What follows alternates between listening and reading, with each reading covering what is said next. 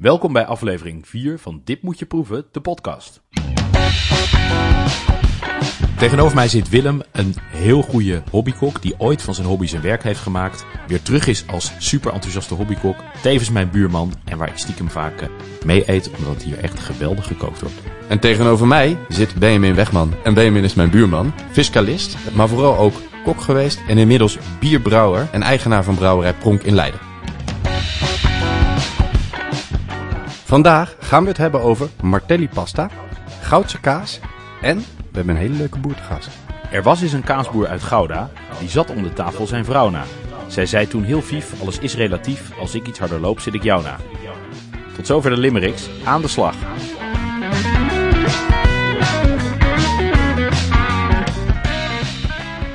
Willem, wat houdt jouw culinair bezig deze week? Ja, ik ben, ehm, eh, en dat, dat is eigenlijk al een paar weken sinds eh, onze pasta carbonara podcast ben ik een beetje aan het klooien met pasta. Eh, en ik heb weer eens een keer martelli pasta aangeslag, aangeschaft. En ik, ik verbaasde me erover. Oh ja, zo lekker was dat. Martelli pasta is een, een pasta die je kunt in allerlei soorten krijgen. Maar het is, een, het is een merk uit Italië. Wordt gemaakt in, in de bergen bij Pisa. Eh, en dat is een pasta die veel wordt gebruikt in de Italiaanse sterrenrestaurants. Eh, je hebt Martelli en er is nog eentje. Die ken ik niet zo goed, moet ik eerlijk zeggen. Is ook wel moeilijker te krijgen in Nederland.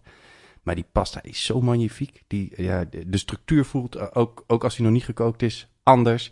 En als je hem kookt al dente, er zit zoveel smaak en zoveel andere structuur en dynamiek in. Eh, dus dat vind ik, ja, vind ik echt waanzinnig. Dus ik wilde daar eigenlijk een soort pleidooi voor houden bij deze. Dat klinkt heerlijk, Willem. En ik gebruik best wel vaak hè, de Checo of Barilla of dat soort merken. Zeg je dan niet doen? Of hè, altijd Martelli? Of zeg je bewaar dat voor hele mooie gerechten? Ja, het ligt er een beetje aan of je het kan leien natuurlijk. Ja, Eh, het, is, het is vier keer zo duur als normale pasta. Volgens mij kost een zakje van 500 gram 4,5 euro of zo. Hè? Dus dat, eh, ja, dat is een, een Dat is niet goedkoop. De Checo is, eh, is, een, is een euro, zeg maar.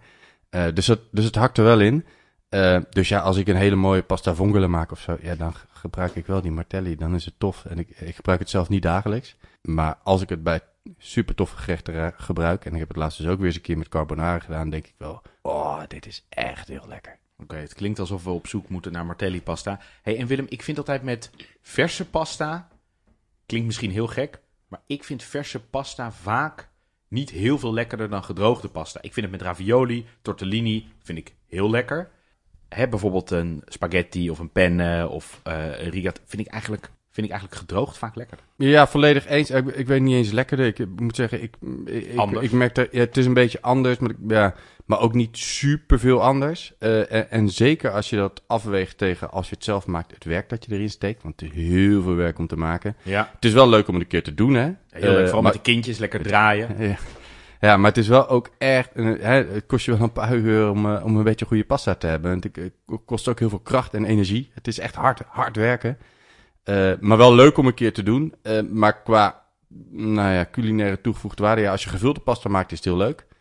Maar ja, ik zou, ik, ja, voor spaghetti of zo vind ik het niet echt van toegevoegde waarde. Oké, ik ben helemaal om, Willem. En waar vind ik Martelli? Ja, je kunt het bij de goede Italiaanse delicatessenzaken wel krijgen.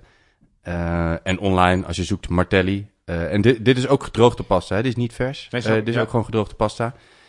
Die kun je gewoon online, als je googelt Martelli pasta kopen, dan, dan vind je het. Ik, zorg, ik zorg wel dat er een linkje komt in de show notes. Cool, leuk.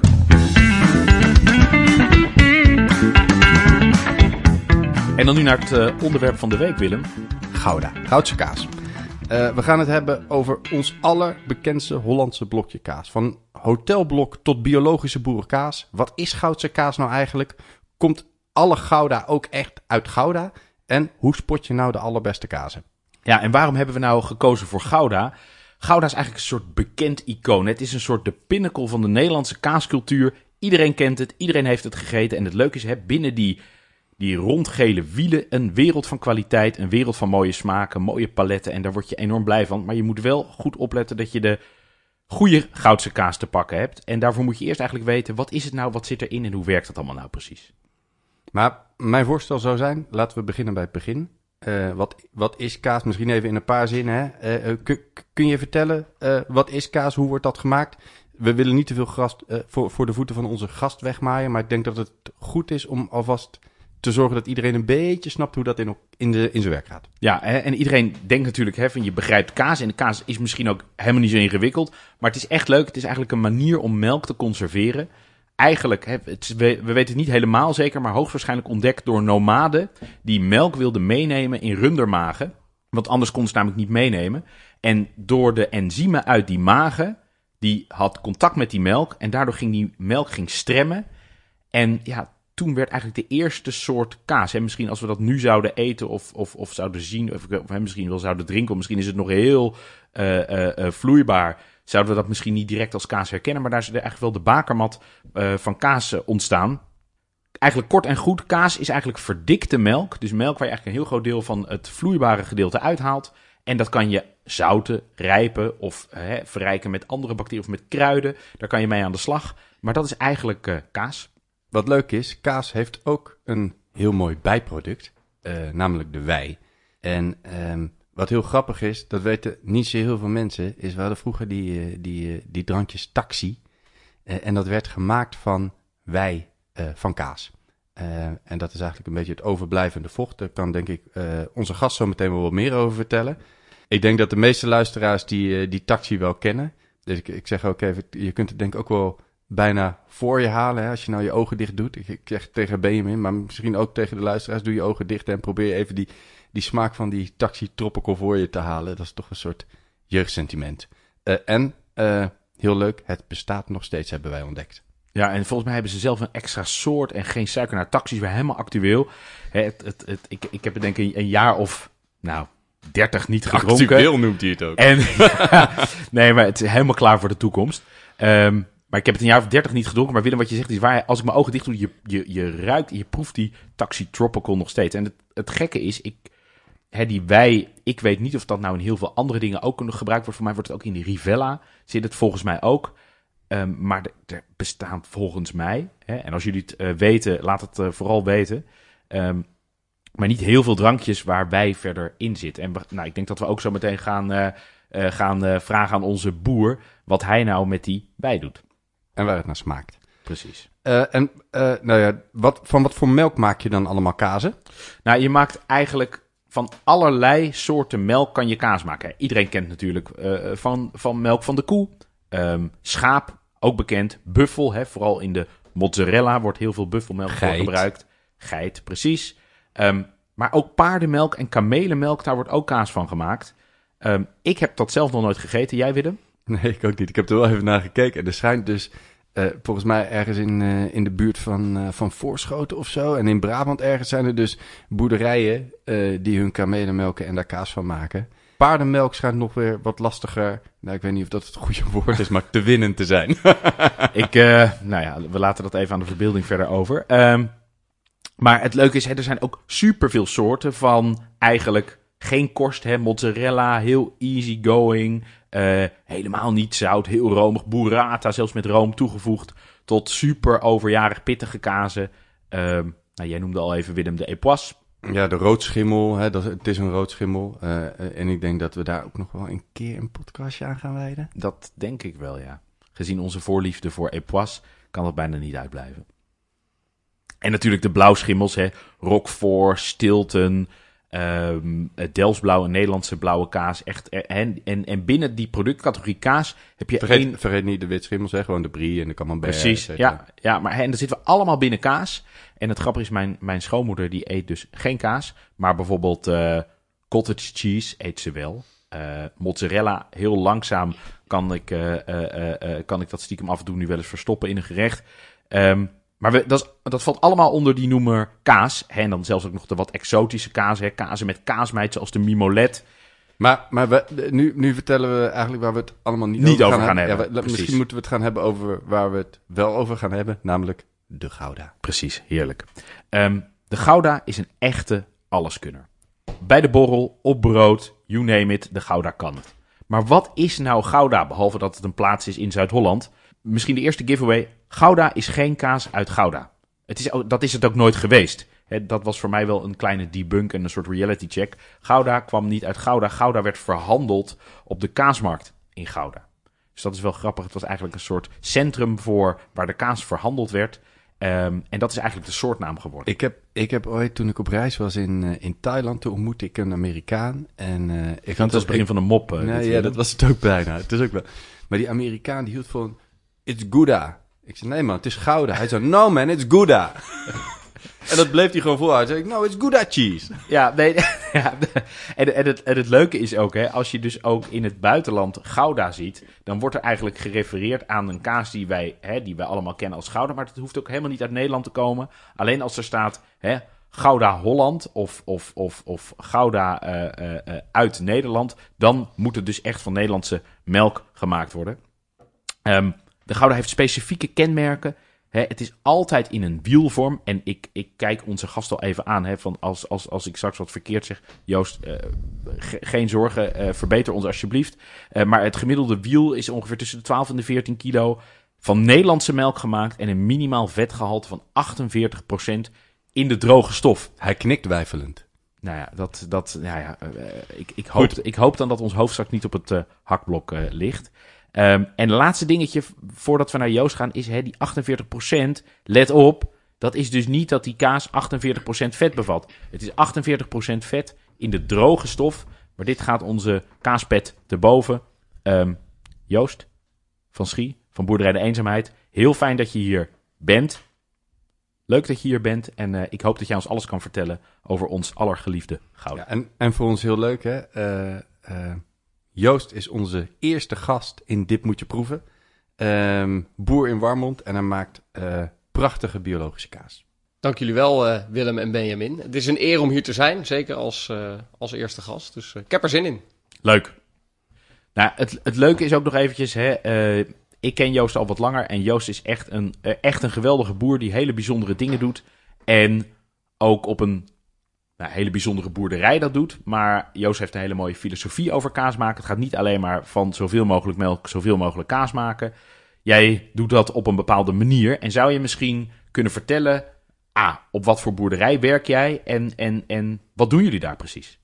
Ja, eh, dat kan zeker. Ehm, ik eh, woon en werk op eh, Boerderij de Eenzaamheid in Warmond. We hebben daar eh, 50 eh, Franse Montbéliarde koeien.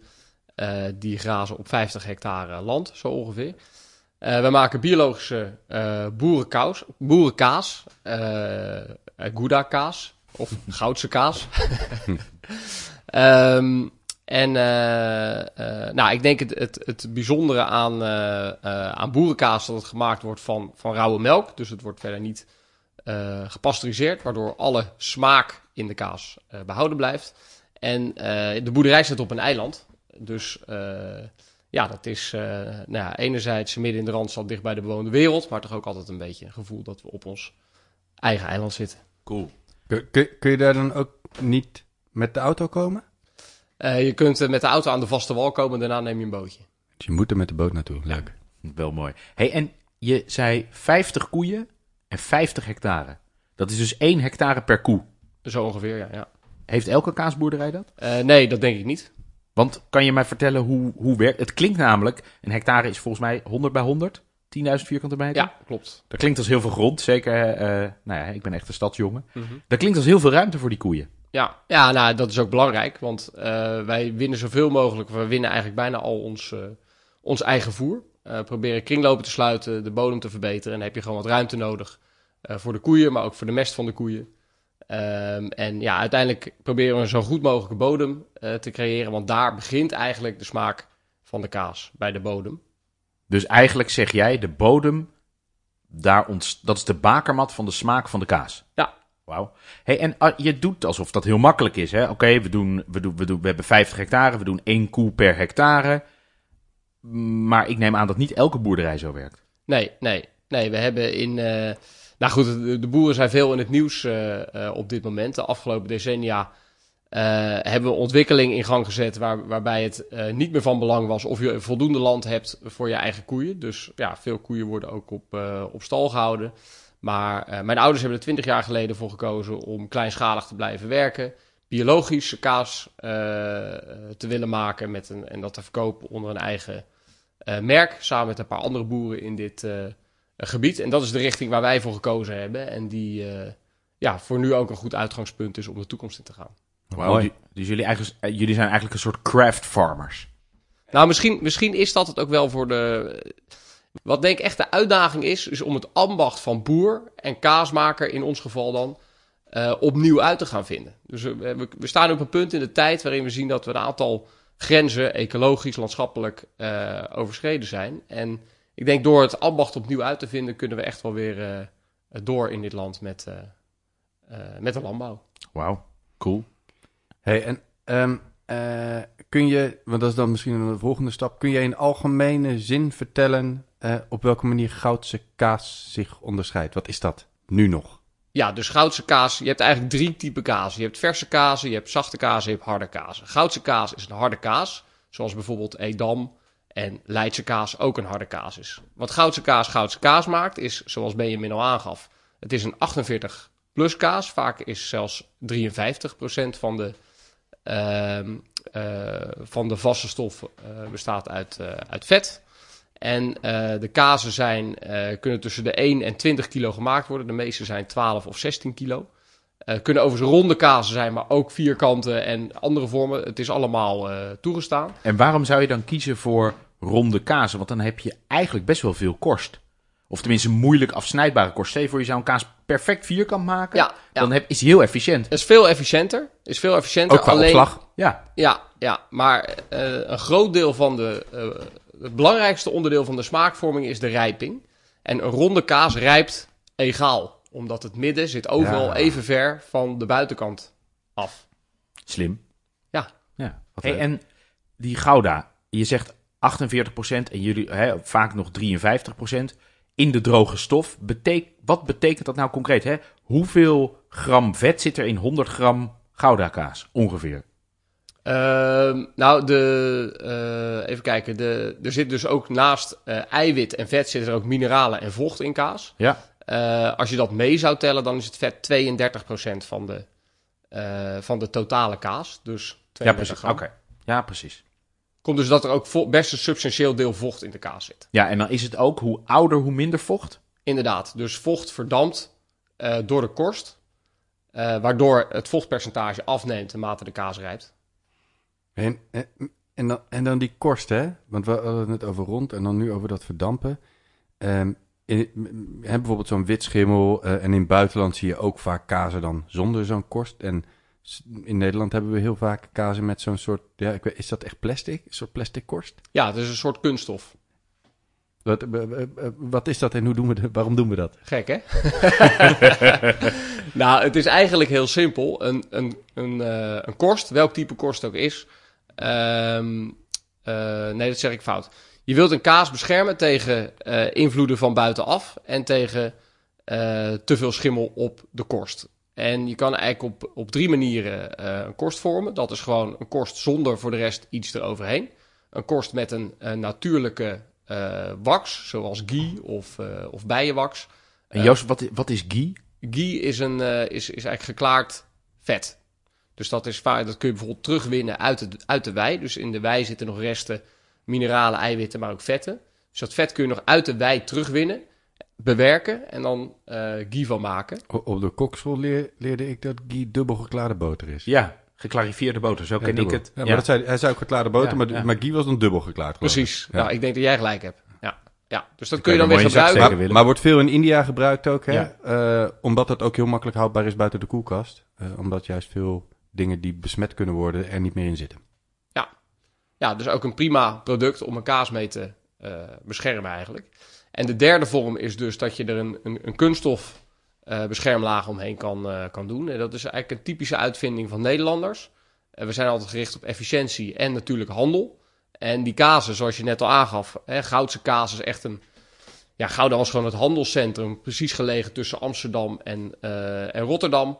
En ja, een van de eerste plekken van waar we onder leiding van de VOC kazen begonnen te, te, te, te exporteren. En eigenlijk, ja, hoe verder je een kaas op reis stuurt, hoe duurder die wordt, hoe belangrijker het is dat die goed eh, beschermd wordt. Dus vandaar dat er een, ehm, ja, dat we op een gegeven moment met kunststof de kaas zijn gaan, eh, zijn gaan beschermen. Maar nergens in de wereld doet men dit.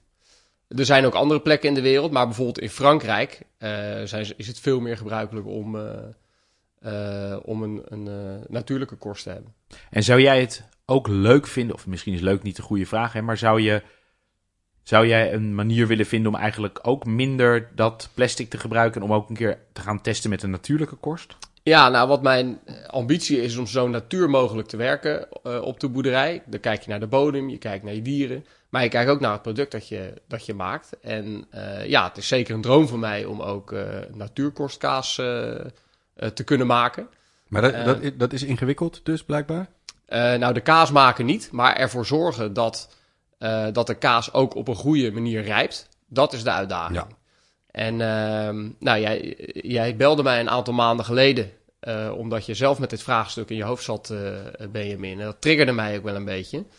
Uh, ik ben toen ook gaan experimenteren met het nou ja, eigenlijk niet koten van, van de kazen. En um, nou, superleuk en, en spannend om te doen. Um, en tot nu toe, ik heb hier een, ik heb hier een kaas meegebracht. Tot nu toe is er ook een mooi product ontstaan. Wat je wel merkt, is dat schimmel zich makkelijker uh, vestigt op de korst. Dus dat het ziet er minder mooi uit. En er bestaat ook een risico dat er mijten door de korst heen in de kaas gaan komen. En dat is een heel groot risico, want als dat gebeurt, die mijten verspreiden zich heel snel, kan jouw hele opslag, jouw hele kaasopslag eens vol met mijten zitten. Dus ja, het is een ambitie om natuurkorstkaas te kunnen maken. Alleen het is uh, ja, stap voor stap, iets wat ik stap voor stap wil uitvinden. Leuk. En je zei, je zei mijten. Is dat dan diezelfde, echt die kaasmijt, die ook bijvoorbeeld die mimolet zo'n bijzondere korst geeft, dat die kaasmijt daar allemaal hapjes uitneemt? Die eet die kaas op? Nou, ik, ik ken de mimolet niet eerlijk gezegd. Maar uh, ja, een, een, kaasmijt bijt zich naar binnen door de korst heen en gaat in de kaas zitten. Uh, en in ieder geval bij goudse kaas is, is dat niet iets wat je ambieert. Nee, precies. Precies. En, dan misschien nog het laatste voordat we. Want je hebt, je hebt inderdaad ook allemaal kazen meegenomen om te proeven. Uh, daar kijk ik naar uit. Uh, voordat we daar naartoe gaan. We, we, hadden het net een paar keer over Gouda. Die, die term Goudse kaas is niet echt beschermd, geloof ik. Klopt. Nee, dus uh, Goudse kaas wordt over de hele wereld gemaakt. Um, en, dus die maken ze ook in Gouda? Ja, de, inderdaad. ja, dus in Amerika wordt Gouda gemaakt. En in Nieuw-Zeeland wordt Gouda gemaakt. En van alles. Um, uh, in 2010 is er inderdaad een geografische aanduiding gekomen voor uh, Gouda Holland. Dat moet van Nederlandse melk in Nederland gemaakt worden. Uh, is ook weer heel veel reactie van andere landen opgekomen, want dat, dat vonden ze niet kunnen. Uh, maar ja, het is, het, is, het is gelukt dus om het deels te beschermen. En, en dat is gedaan om de kwaliteit uh, te kunnen waarborgen. Want ja, als iedereen het maakt, dan kan het ook overal van verschillende kwaliteiten zijn. Ja, ja maar, maar, dan, maar dan de criteria die we eerder bespraken, dat is een beetje de norm voor Gouda, maar dat is niet echt vastgelegd. Nee, dus Als ja, ik het zo begrijp. Dan, je kunt ook iets heel anders, je kunt ook een hele andere kaas nou, het moet dus, erop zetten. Het, het, moet dus een harde kaas zijn. Er moet uh, 48, ruim 48% vet Ja, maar als, ik, als, ik een, als, ik een, als ik een brie maak en ik noem hem Gouda cheese, mag dat? Nee, nee, nee? want dat, brie is geen harde kaas. Ja, Oké. Okay. En er zit geen. Uh, ja, oké. Er zit misschien niet dat vetpercentage in. Okay. Helder. hey, en jullie maken op de boerderij boerenkaas. Ja. Wat is nou het verschil tussen boerenkaas, hè, het, het voor mij ongepasteuriseerde melk, maar zijn er nog wat, wat, wat, wat, wat kan ik verwachten als ik een boerenkaas bestel of koop? Ja, bij boerenkaas uh, moet minimaal de helft van de melk die gebruikt wordt van je eigen koeien, van je eigen boerderij komen. Uh, de melk mag inderdaad uh, niet gepasteuriseerd worden. Dus uh, maximaal verwarmen tot 36, 37 graden. Dat zijn eigenlijk de, de, de belangrijkste karakteristieken.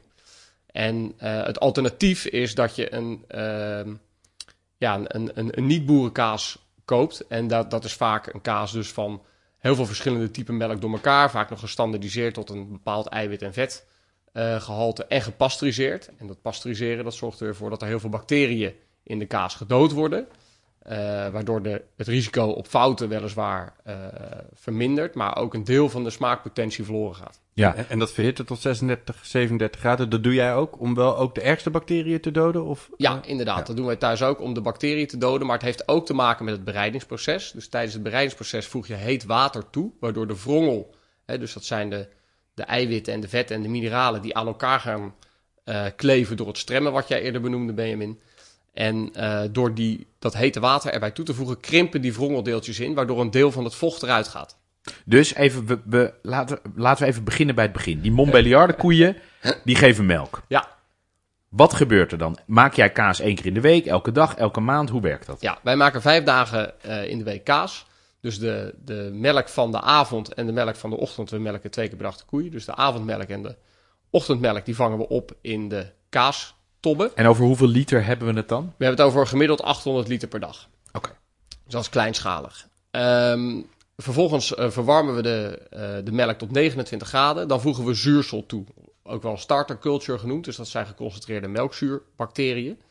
Ehm, en vervolgens, eh, een half uurtje later, als die melkzuurbacteriën zich wat vermenigvuldigd hebben, voegen we stremsel toe. Stremsel is, zoals je zei, een enzym. En dat zorgt ervoor dat de eiwitten aan elkaar gaan kleven. En daarin worden de vetten en de mineralen eh, gevangen. Dan ontstaat er een soort kwark. En als die kwark dik genoeg is, als er, als er door een beweging een echte scheur in komt, dan ga je dat snijden tot, tot kleine stukjes kaas van ongeveer een halve Het centimeter. heet het dan al kaas? Dan, dan heet het eigenlijk al kaas. Ja, ja, ja Hoe- zeker. Waar smaakt dat naar?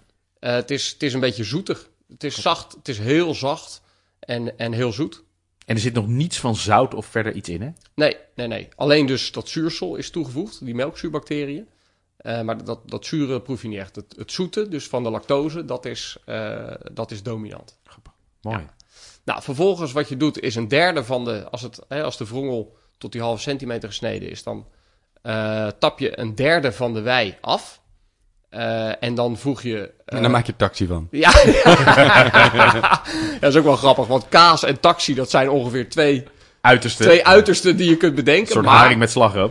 Dat is, eh, precies. Alleen die, die, die wei, die voeren wij bijvoorbeeld weer aan het jongvee. En voor het jongvee is het wel weer een soort, eh, een soort taxi. Ze slurpen dat letterlijk weg als limonade. En- en- echt, echt waanzinnig. Maar waar, smaakt het naar? Want, eh, Zoetig. Het is, Zoetig. het is- ja, daarom is het dus zoetig. niet taxi. Ja, Oké. ja, ja. Ehm, maar goed, we hebben dan dus een derde van die wei afgetapt. Dat dan voegen we een derde deel water toe van ongeveer 70 graden. En door het toevoegen van dat water krimpen die wrongeldeeltjes, waardoor een deel van het, eh, eh, van het vocht dat daarin zit ook weer eruit gaat. En daarmee ook een deel van de lactose. Dat proces noem je wassen. Dus het wassen van de wrongel. En ehm, eh, dan dat doen we eigenlijk twee keer. Dus eerst verwarmen tot 33 graden. En bij de volgende keer eh, tappen we nog een keer wei af. Zodat je de, uiteindelijk de, zeg maar de, eh, de helft van de hoeveelheid overhoudt. Dus als we begonnen bij 800 liter, komen we dan op 400 liter. En dan eh, voegen we weer een deel water toe. Krimpen die wrongeldeeltjes nog weer wat verder. En dan laten we de wrongel een half uurtje rijpen. Alvorens we het in de vaten doen. En dat zorgt dan uiteindelijk voor de kaasvorm. Wauw. Klinkt als echt, echt nog best wel een complex proces. Eh, ja, het is een complex proces. N- niet zozeer vanwege de stappen die je doorloopt, maar meer vanwege het, het chemische proces dat gedurende de bereiding eigenlijk in gang gezet wordt. ehm, om uiteindelijk ook een goede rijping te gaan krijgen. Dat je Dus heel exact moet controleren, dat chemische proces. Daar Precies, dus je voegt, je voegt melkzuurbacteriën toe en die zetten een proces van maanden in gang, waarin ehm, eh, een fermentatieproces, waarin uiteindelijk de eh, lactose in de eh, kaas wordt omgezet. En daardoor ontsmaakt, ontstaat de smaak en de geur eh, en, een, en een andere structuur in de kaas. Dus het is echt first time right, want het is één keer doen en daarna, na maanden, heb je dus pas het resultaat. Precies, Wauw. Ja, en, en, en dan heb je jong belegen, eh, inderdaad. Dus extra nou- belegen oud. Hè? Daar, Ja. Er staan dan maanden criteria voor, Ja. geloof ik. ja, ja, ja, ja, ja. Begint bij graskaas, toch? Ja, dus nou ja, graskaas is een aanduiding voor de, eh, voor de eerste kazen die je maakt van als de, als de koeien weer de wei in zijn. Dus dan eten ze het verse gras en dat is, dat is heel eiwit- en suikerrijk. En dan krijg je hele eh, zachte, smeuige, romige kaas van. Zo- Zoetig en fris of zo, hè? Ja, precies. En ehm, eh, in het algemeen kun je stellen dat een jonge kaas kun je ongeveer eten vanaf twee maanden. Eh, dan is het eh, tussen de drie en zes maanden noem je het jong belegen. Zes en negen extra belegen. Eh, nee, sorry, belegen. Dan 9 tot 12 extra belegen. En daarna is het oude kaas. En, en voor, voor die verschillende kazen gebruik je daar dan ook wel verschillende recepturen voor? Is dat gewoon dezelfde kaas die je langer laat liggen? Je bedoelt als je de, of je jonge of oude kaas Ja, ja. maakt. Ja, als we bijvoorbeeld die jonge graskaas maken, dan, eh, dan doen we het wat minder lang, eh, wat minder eh, verwarmen.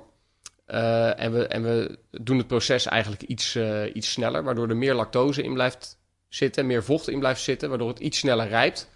waardoor je sneller die jonge graskaas op de markt kunt brengen. En, en, en maar zitten, die Waardoor het nog weer smeuiger is. en zitten die verschillen dan ook tussen belegen en oud of zo? Of da- daar niet echt? Laat je dan de kaas gewoon langer liggen? Ja, sommige kaasmakers maken daar verschil in, maar bij ons is dat proces precies hetzelfde. Oké, Ik heb er zin in. Ben, eh, ben benieuwd. ik ook. Gaan we proeven, Willem? Wat mij betreft wel.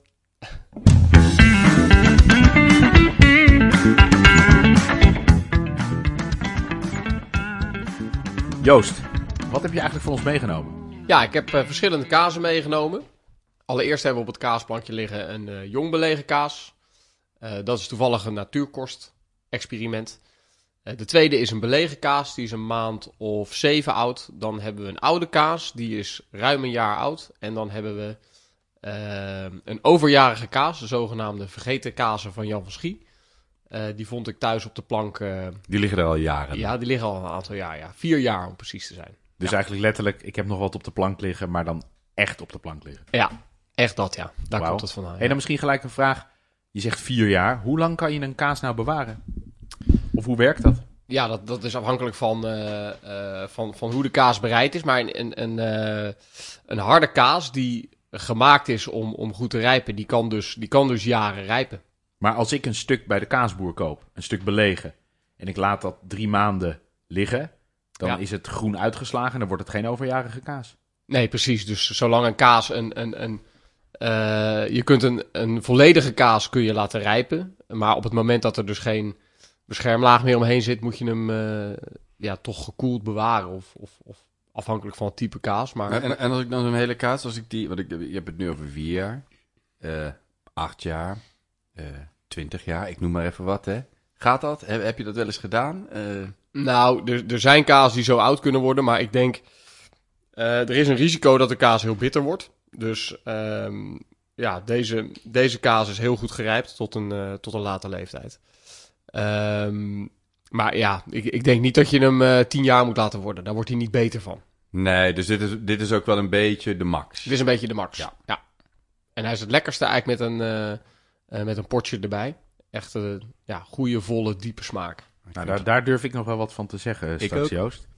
Ehm, hey, en wat mij opvalt met deze kaas is dat het heel veel smaak is, maar eigenlijk zonder heel zout te zijn. En tuurlijk, hè, die overjarige die heeft natuurlijk, heeft, hè, dat, die, die, die is hartiger. Maar zeker in de jong belegen en volgens mij de belegen, merk je dat het eigenlijk het, het heel veel smaak is.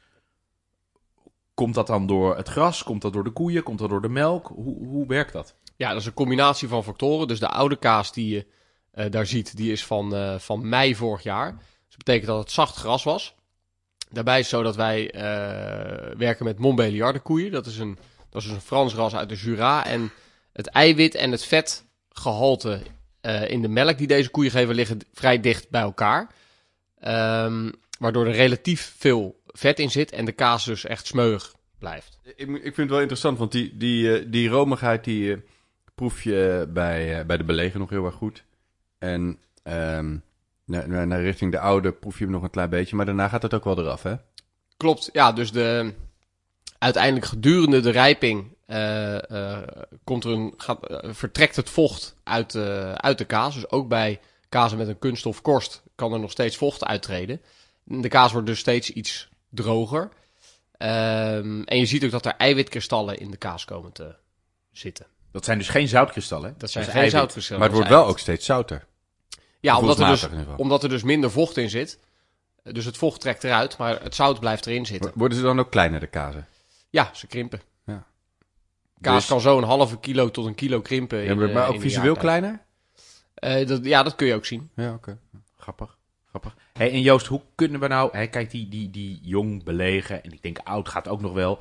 maar die overjarige kazen snijden, dat is altijd een enorme uitdaging. Hoe doe jij dat als jij die kazen moet doorsnijden... of, of, lever, of lever jij ze heel uit? Eh, nou, de, eh, inderdaad, kazen eh, tot, tot en met oud eh lever ik kaas ook in, in, in verpakt uit. Dus in, in stukken. En hoe doe je dat dan? Kan je, kan- heb, je een, heb je een mooie tip hoe je die hele harde brokkelkazen goed kan snijden? Nou ja, kijk, echt, echt hele oude brokkelkaas, die valt gewoon uit elkaar als je, als je hem snijdt. Daar kun je hoog of laag om springen, maar dat, weet je, dat gebeurt gewoon. En eh, ja, je gaat dan op zoek naar, naar een manier waarop je dat mooi kan, eh, eh, kan presenteren. Maar eigenlijk als je, als je het hebt over echte overjarige kaas die, van, die, die, die brokkelt, ja, dan moet je eigenlijk gewoon een ervaring mee maken. Dat wil je natuurlijk het liefst live voor mensen uitsnijden. En dan, dan zien ze gewoon wat er, wat er gebeurt. Maar bijvoorbeeld zo'n kaasdraad, werkt dat goed? Ja, ja om een, een kaasdraad werkt goed om een hele kaas te door te halveren. snijden. Precies. Ja. En anders gebruik je een, eh, een kaasmes. Om, je gebruikt een kaasmes om gewoon stukken kaas af te snijden. hey Joost, de do's en de don'ts van Gouda. Wat, denk, wat, wat, wat, wat vind jij de giveaways? Wat zijn de do's en wat zijn de don'ts? Nou, een, een, een, een echte doel met, eh, met goudse kaas is natuurlijk om iedere dag te, te proberen iedere dag een klein stukje goudse kaas te eten. en dan af, af te wisselen met gerechten. Dus je, kunt je kunt kaas echt, je kunt kaas bij ontbijt, bij lunch, bij avondeten. Je kan het bij borrel gebruiken. Eh, als tussendoortje, wees creatief en, en probeer te kijken hoe je, eh, hoe je de kaas echt als een smaakmaker kunt, eh, kunt gebruiken. Dat, En dat, dat, dat, dat, dat is je doe. Eet elke dag goudse kaas. Een klein beetje. Een klein Ja, beetje. Dat snap Ja. ik, dat met, snap ik. met, met maat, hè? Ja. Want eh, ja, nou ja, zuivel heeft ook een bepaalde impact. Dus eh, eh, wat dat betreft ben ik ook fan van chef Dan Barber uit, eh, uit New York. Die zegt: eet veel groente, een beetje zuivel en een heel klein beetje vlees. Zodat je eet naar de afdruk van je. eh, eet naar wat de planeet aan kunt. En kaas kan daar een hele mooie smaakmaker in zijn. Mooi. En eh, de belangrijkste don't? Oeh, ehm, kaas te lang bewaren. Dus op het moment dat jij een vers stuk kaas afgesneden hebt gekocht, dan gaat die uiteindelijk door het bewaren in, in kwaliteit achteruit. Dus, dus laat hem niet te lang eh, liggen. En wat is te lang?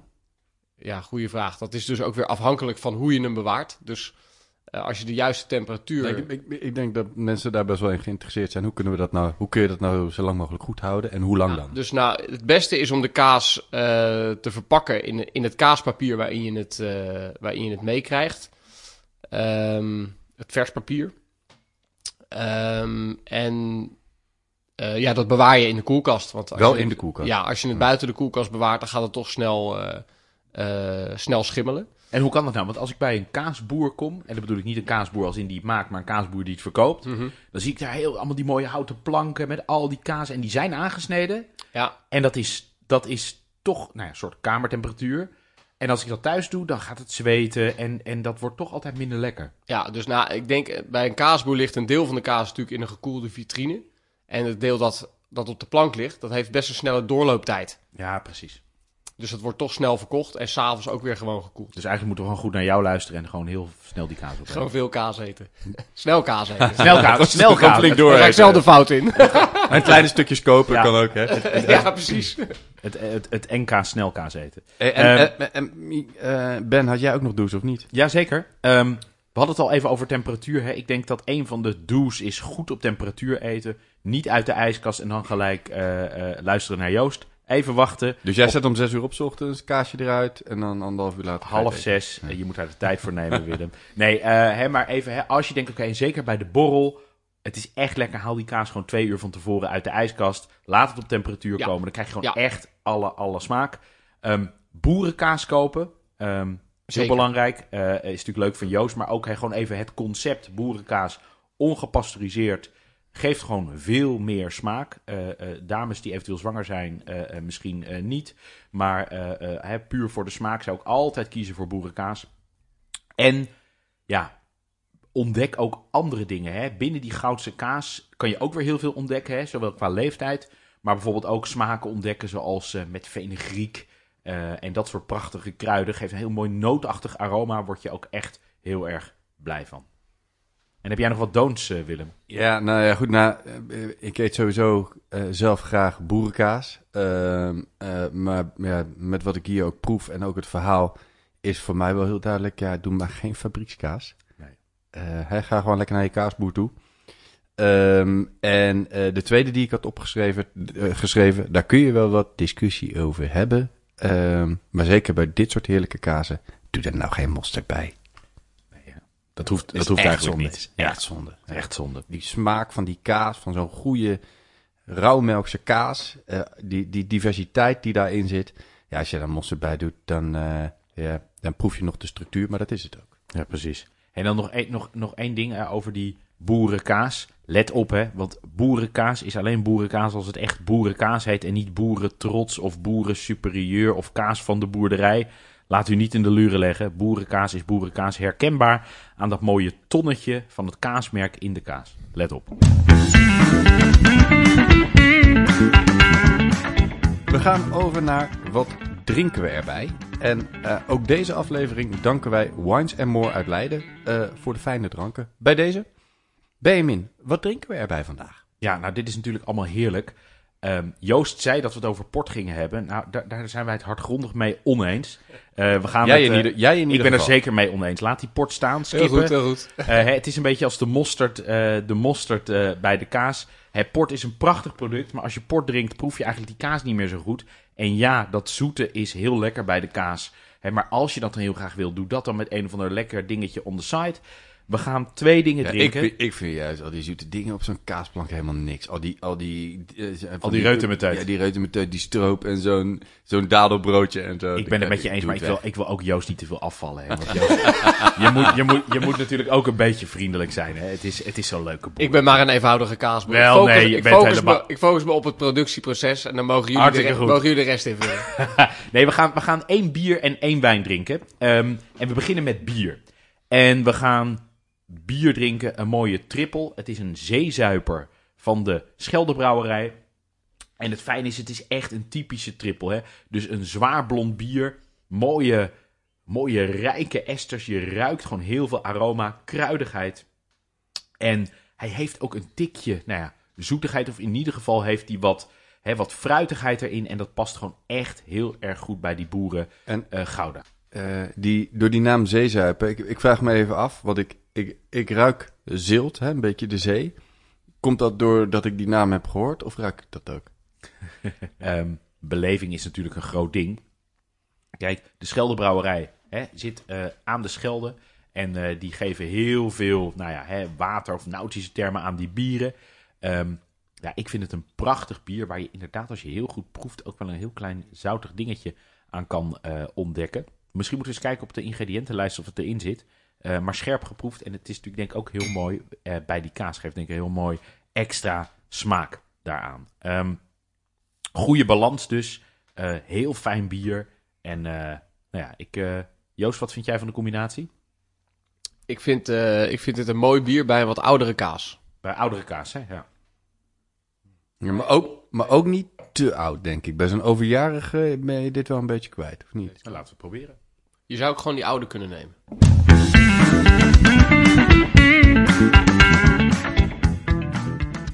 Nou, hopen dat het volgende ehm, ook goed past. Dat eh, weet ik bijna zeker. Het leuke is, we gaan het hebben over wijn. En we gaan het hebben over witte wijn. En nu denken jullie misschien, hey, kaas, dat is altijd rode wijn of port. Nee, ehm, eigenlijk vind ik rode wijn sowieso niet de allerbeste combinatie met kaas. Port eigenlijk ook niet. Het is te vol, te veel tannine, te, ja, eigenlijk gewoon te rijk. En wat, wat het vaak mist, zijn zuren. En vet en zuur passen heel goed bij elkaar. En die, die zuren breken eigenlijk die vet een beetje af, waardoor eigenlijk die smaak veel rijker wordt. Witte wijn, en het mooie voor, een, een heel mooi voorbeeld is bijvoorbeeld de hele mooie oxidatieve witte wijnen uit de Jura zijn prachtig. Maar wat we hier hebben meegenomen, omdat eigenlijk, nou ja, als je Gouda zegt, kan je een graskaas hebben, maar ook een is best wel een breed spectrum. Hebben we gekozen voor de Elzas. En we hebben gekozen voor Domaine Ferdinand Engel. Ehm, en dat is een Pinot Blanc. En het leuke is, die Pinot Blanc is eigenlijk een beetje een ondergewaardeerde druif. En de term Pinot Blanc zet je ook nog een keer op het verkeerde been. Wat het leuke is, deze wijn, het is trouwens een biologische wijn. ehm, wat eigenlijk ook wel weer mooi past bij die mooie biologische kaas. Eh, maar Pinot Blanc, als dat op het label staat, dan weet je eigenlijk nog helemaal niks. Want in een Pinot Blanc uit de Elzas kan 100% een andere druif zitten. Dat is echt ingewikkelde labelmaterie, gaan we het niet over hebben. Gaan we vast nog een keer over inzoomen. Maar in deze wijn zit 5% maar Pinot Blanc en 95% procent Auxerrois. Ehm, wat ook een hartstikke mooie druif is. En het leuke is, Pinot Blanc is een hele frisse wijn. Tegelijkertijd ook vol. Niet al te veel zuur. Hè? Dus het, het, het, het, het, het, heeft, het, het, het heeft genoeg zuur om lekker tegen dat vet van die kaas in te gaan. En eh, ja, past gewoon eigenlijk onwijs goed. Eh, ik denk bij eigenlijk de eerste drie, Joost. Bij de jonge, bij de belegen en ik denk ook nog wel bij die oude. Bij die overjarige is die misschien, eh, is die misschien weg. Ik vind hem bij de, bij, de, over- bij de oude ook al een beetje wegvallen hoor. Moeten we- moeten we bij de eerste twee doen? Ik ga hem bij de eerste twee doen en dan kun je bij die laatste twee kun je mooi de zeezuipen pakken. Doen we dat? Doen we gewoon lekker twee drankjes. ga ik in mee, zeker. Doen we, doen we gewoon lekker twee drankjes tegelijk. Ehm Elzas, echt een prachtige streek. Ehm, easily overlooked. Maar ik vind het wel interessant. Nou goed, dan moeten we misschien nog maar eens een aflevering, aflevering aan gaan wijden. Want dit is een Pinot Blanc die geen Pinot Blanc is. Ja, gek hè? 5% Pinot Blanc zit er maar Ja. in. Ja, en het is dus zelfs zo dat als er 100% wat anders in zit, mag het nog steeds Pinot Blanc. Dat is echt heel gek.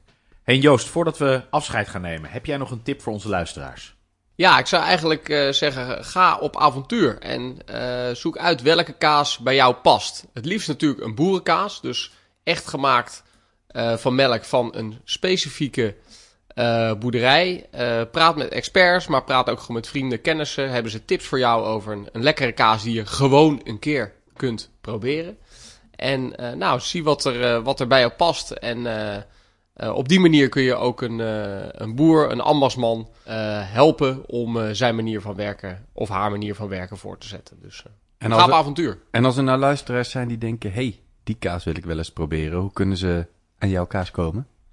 Eh, aan mijn kaas kunnen ze komen door eh, naar www.boerderijdeeenzaamheid.nl te gaan en te kijken eh, waar de kaas verkrijgbaar is. Onze kaas wordt verkocht van Noordwijk tot New York. Ehm, New York? Maar ook, maar ook weer niet overal. maar, echt, maar echt in New York? Ja, ja, ja, ja, ja zeker. Ja, dus ongeveer 40% van onze kaas gaat naar het buitenland. Maar hier in de buurt is het ook verkrijgbaar in, in Leiden bij Fromagerie Bon en Van Bohemen. In Amsterdam bij La Ehm, en zo zijn er nog wel meer. Dus eh, Joost, dankjewel voor je mooie bijdrage vandaag. eh, voor je mooie verhaal. eh, voor je heerlijke kazen. Wel thuis en geniet van je prachtige boerderij. We komen graag binnenkort eens op visite. van harte welkom. Leuk en dank dat ik hier kon zijn. We gaan nu door naar een luisteraarsvraag.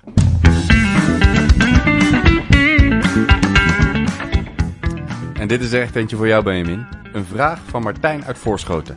Kan ik thuis bier brouwen? En zo ja, waar begin ik? Ja, dat is inderdaad misschien eentje voor mij. Het hele korte antwoord is ja. En ehm, ja, Zo ben je ook ooit begonnen. Exact. Ehm, en ja, graag is misschien eh, nog wel een beter antwoord. Want A, A kan het en B is het ongelooflijk leuk.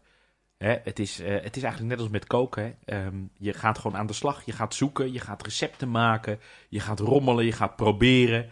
Je gaat verbeteren. Je gaat op onderzoek.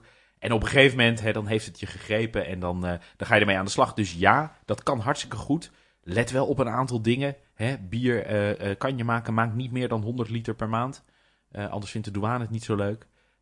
Maak dingen heel goed schoon. Anders mislukt bier heel snel. Hè. Bier is best wel een kritisch product. En waar begin je? Ja, ik zou allereerst beginnen met op internet zoeken. Er is ongelooflijk veel informatie beschikbaar. Als je dan een beetje gegrepen bent door dat virus en denkt: ja, ik wil dit echt gaan doen. Ga dan aan de slag naar de mooie zelfbrouwwinkels, de hobbybrouwwinkels, die zijn er. In Almere zit bijvoorbeeld een, eh, een hele mooie. Daar kan je alles vinden wat je hartje begeert. En het leuke is, je kan het zo gek maken als je zelf wil. Eh, het is hetzelfde als met, eh, met fietsen, wat ik zelf graag doe. Je kan op een, op een eh, goede geleende fiets kan je starten. En je kan ook natuurlijk een mooie tourfiets kopen. Dat is het, eh, het, hetzelfde eh, met bierbrouwen. Je kan bij wijze van spreken in een, in een emmertje en met een, met een roerspaan en, en, en, en met een waterslot kan je starten. Tot eigen druktankjes en dingetjes. Dus ja, kan heel goed. Ehm, ga op onderzoek uit en maak gewoon schitterende bieren. En kleine belangrijke tip nog: schrijf op alle stappen die je hebt gedaan. Want als je het na zes weken gaat proeven, weet je niet meer precies hoe lang je gekookt hebt, op welke temperatuur. Nou, noem alle details maar op. En eh, dan, eh, als je dat weet, kan je het eh, verbeteren. Ja, en, en eigenlijk zeg je dus, als je wil weten hoe je het moet doen, zoek vooral op internet. Ja. Ik denk dat het leuk is als we een linkje naar iets van een basissite kunnen plaatsen met, joh, wat heb je dan nodig? En, hè, zonder dat we het helemaal willen uitkouwen. Want het Ja. is juist ook als ik je zo beluister, een, je moet het als experiment Ja, aangaan. hè? is echt eh, schitterend. ja, ja, dus je moet er niet te veel over uitdokteren. Maar als we iets van de basis kunnen leggen in de show notes, zou fijn zijn. Ja, zeker. En, en eh, al gelijk misschien een giveaway. Hobbybrouwen.nl is echt een ongelooflijk waardevol forum. Ehm, iedereen heeft daar alles al een keer gedaan. Je kan daar alles, alles opzoeken wat je wil.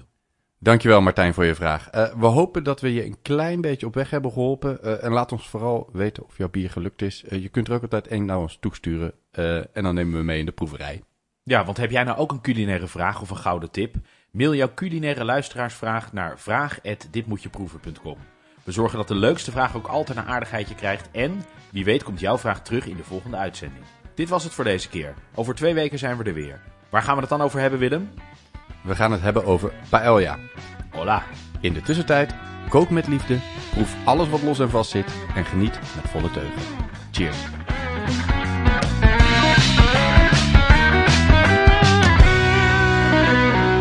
Was het goed? Was het goed? Ja. Ja? Ik zou eigenlijk willen dat je, de, dat je je gezicht erbij kon zien. Zo blij, zo Ja, blij ja. was je ermee. Heerlijk. Ach.